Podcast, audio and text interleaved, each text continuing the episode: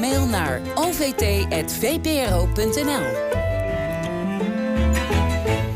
Het kabinet Rutte 4 viel in juli omdat de VVD het regeerakkoord wilde openbreken om de asielinstroom te kunnen beperken. Vooral D66 en de ChristenUnie voelden daar niet voor, waarop de VVD besloot liever te breken dan door te gaan met het bestaande regeerakkoord. Het tekent maar weer eens hoe belangrijk het voeren van een strenge migratiepolitiek is voor de VVD. En dat is opmerkelijk, want ooit was de VVD juist uitgesproken pro-migratie. Zo weet Marlou Strover, hoogleraar sociale en economische geschiedenis aan de Universiteit Leiden. Welkom Marlou. Goedemorgen. Uh, ja, jij bent voor ons in het verkiezingsprogramma van de VVD gedoken. Uh, wat staat daar nu in over asielinstroom en breder migratie? Uh, eh, 17 keer de frase grip op migratie. Dus ze vinden mm -hmm. dit echt een heel belangrijk punt. En als je vergelijkt met de eerdere programma's, dus nou vanaf 2010 ongeveer, staat er eigenlijk hetzelfde steeds in. En dat is heel erg opvallend. Dus als je kijkt naar de verkiezingsprogramma's nu en vergelijkt met die eerdere, dan staat er: we willen illegale migratie beperken, we willen een snellere procedure, we willen mensensmokkel tegengaan, we willen kijken wat we kunnen doen aan de cijfers sowieso. Uh, uh, uh, dus je krijgt allerlei voorstellen waarvan ik denk: ja, maar dit hebben we dus al 13 jaar min of meer gezien als partijprogramma. Mm-hmm. En het is niet gelukt. Een snellere procedure, daar pleit de VVD al voor in de jaren 80. En dat lukt niet. Het is niet zo makkelijk om die verandering te bewerkstelligen. Illegale migratie aanpakken. Ook dat staat al ergens in programma's in de jaren 80. Ja. Dus je ziet dat er heel veel punten worden aangedragen waarvan ik denk, ja, maar dit is al voorgesteld en heeft niet gewerkt.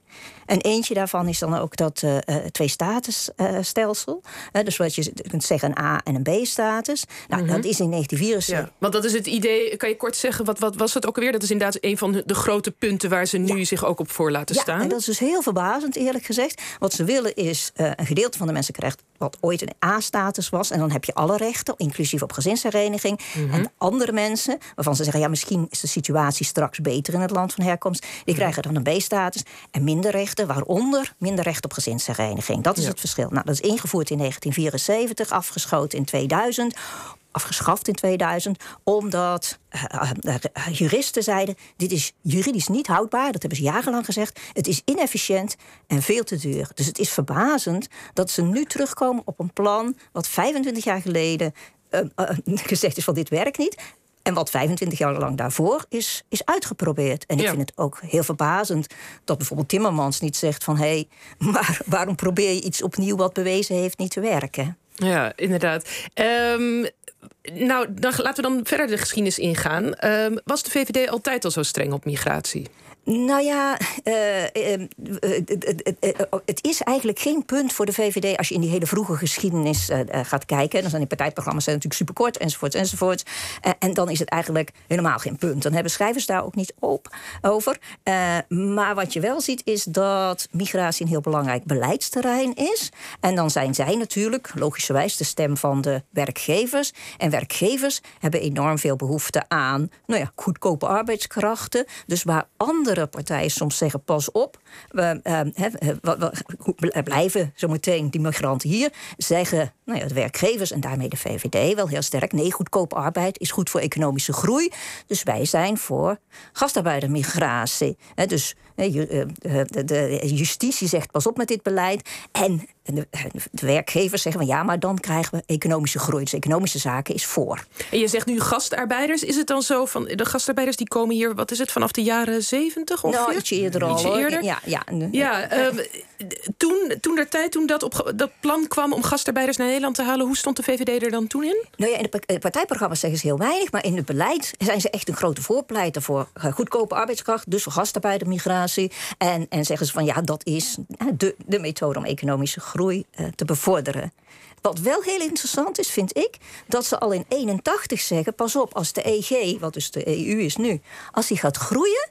Uh, dan zullen we heel veel binnen-Europese arbeidsmigratie gaan krijgen. waar we heel weinig aan kunnen doen. Mm-hmm. uh, dus ze hebben op dat moment al door van. Het, het, het, grote verhaal is niet vluchtelingenmigratie. Het grote verhaal is arbeidsmigratie. binnen wat toen de EG en nu de EU is. En dat merken ze op dat moment op. En daar, daar, daar, doen ze dan niks mee. Maar het wordt ja. opgemerkt. Want wanneer worden ze inderdaad dan wat meer anti-migratie, als ik het zo mag stellen? Ja. rond die tijd? Nou ja, uh, het, het, grote anti-immigratie, de draai naar tegen-immigratie komt eigenlijk met de economische crisis van de jaren 80. Mm Dan is 25% van de bevolking is werkloos. Dus dat is echt een heel groot percentage. En dan zijn er al heel veel partijen eigenlijk voor de VVD die zeggen: let op, moeten wij niet wat minder uh, migratie hebben? Echt het hele spectrum van links naar rechts begint daar dan over. En op een gegeven moment zegt ook de VVD van, nou ja, misschien moeten we dan mm, nou ja, toch gaan kijken naar beperking van de immigratie. En dan richten de pijlen zich vooral op op een gegeven moment vluchtelingenmigratie. Uh, en dat heeft als oorzaak, en dan zie je al echt aan het einde van de jaren 80, begin jaren 90, dat die vluchtelingenmigratie ook verandert. daar zit een groot omslagmoment. In het begin was het simpel, niemand kon het Oostblok uit en iedereen die hier aankwam was welkom, want het bewees het gelijk van het kapitalisme en het ongelijk van het communisme. dus, dus het was heel makkelijk om pro-vluchtelingenmigratie te zijn. Mhm. En dan op een gegeven moment, als die vluchtelingenmigratie van aard verandert dan wordt het ook minder makkelijk om te zeggen wie is goed, wie is fout. Vooral na de uh, revolutie in Iran. Hè, dan krijg je dus, we waren tegen de Shah en het repressieve regime. En die werd opgevolgd door Romeinië en daar waren we ook tegen. Dus dan krijg je dan toch een verwarring van wat is goed en wat is fout. En met de Tamils uh, neemt die verwarring eigenlijk nog uh, meer toe. dus dan, en dan zie je dat ze nog steeds zeggen: we zijn voor bescherming. Hè, dus in de jaren tachtig zit dat erin en dat blijft erin zitten. We zijn voor bescherming van mensen die echte vluchtelingen zijn, die frase, die oprecht een vluchtmotief hebben. Dat blijft er steeds in zitten. Maar nou ja, kunnen we op een of andere manier vluchtelingenmigratie beperken. En dat is dan omdat het dan, dat ze dan toch ook denken van ja, dit kost geld. Of, of uh, ik probeer even het VVD-denken erbij te bedenken. Nou ja, eh, het gaat gedeeltelijk om geld. En het gaat gedeeltelijk ook om um, nou ja, dat het makkelijke manier is om andere onderwerpen in de samenleving te adresseren. Eigenlijk begint de Volksunie begint hiermee, uh, gevolgd door de Centrumpartij Centrumdemocraten. Die koppelen doorlopend allerlei lokale onderwerpen. Dan zeggen ze Hoogkaterijn en de drugsoverlast. Dat is toch vreselijk? Vindt u ook niet in Utrecht? En dan zeggen ze en migratie. Uh, en dat doen ze bij elke plek. Hè. Bij, bij Nijmegen zeggen ze we hebben een pedofiele café en een migratieprobleem. En u heeft hondenpoep op straat en een migratieprobleem. En die koppelingen die steeds worden gemaakt door eerst de Volksunie en naderhand door de, Christen uh, door de Centrum, uh, Centrumpartij, die zie je dat de VVD in feite die strategie een beetje begint over te nemen. Mhm. En dus ja, vluchtelingenmigratie naar voren schuift als een punt.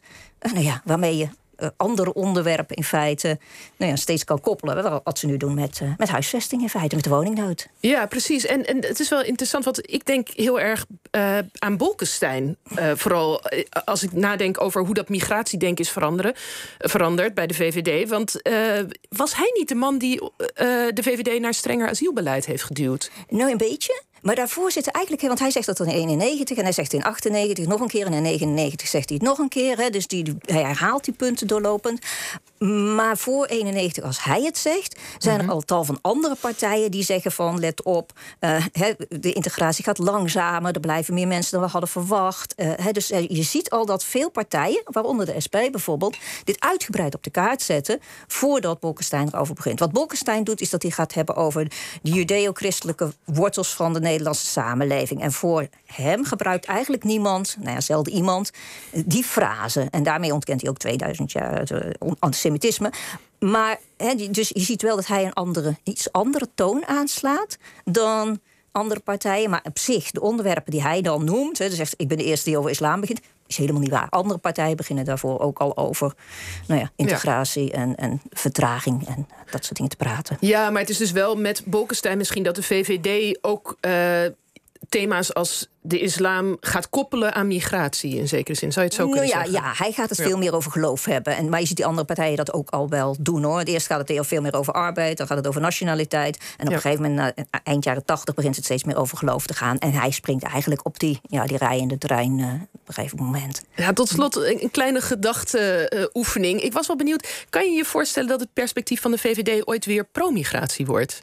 Ja, gedeeltelijk zijn ze dat ook wel. Ze zijn pro-migratie, want een gedeelte van hun achterban blijft natuurlijk nog steeds uh, die werkgevers. En de werkgevers zeggen nog steeds: let op, we hebben die goedkope arbeidskrachten vanuit mm. nou, Centraal- en Oost-Europa wel degelijk nodig. Dus het is niet zo dat ze anti-migratie zijn, want er is nu mhm. al een gedeelte van de werkgevers van wiens stem zij vertegenwoordigen, die heel nadrukkelijk zeggen: van als jullie te hard op die trom slaan van de beperken van de arbeidsmigratie, hebben wij straks geen goedkope arbeidskrachten meer. Dus het is niet zo dat ze per se anti-migratie zijn. Ze nemen een klein stukje, 10% van de immigratie, en zeggen van: nou ja, die, die vluchtelingenmigratie zou minder moeten.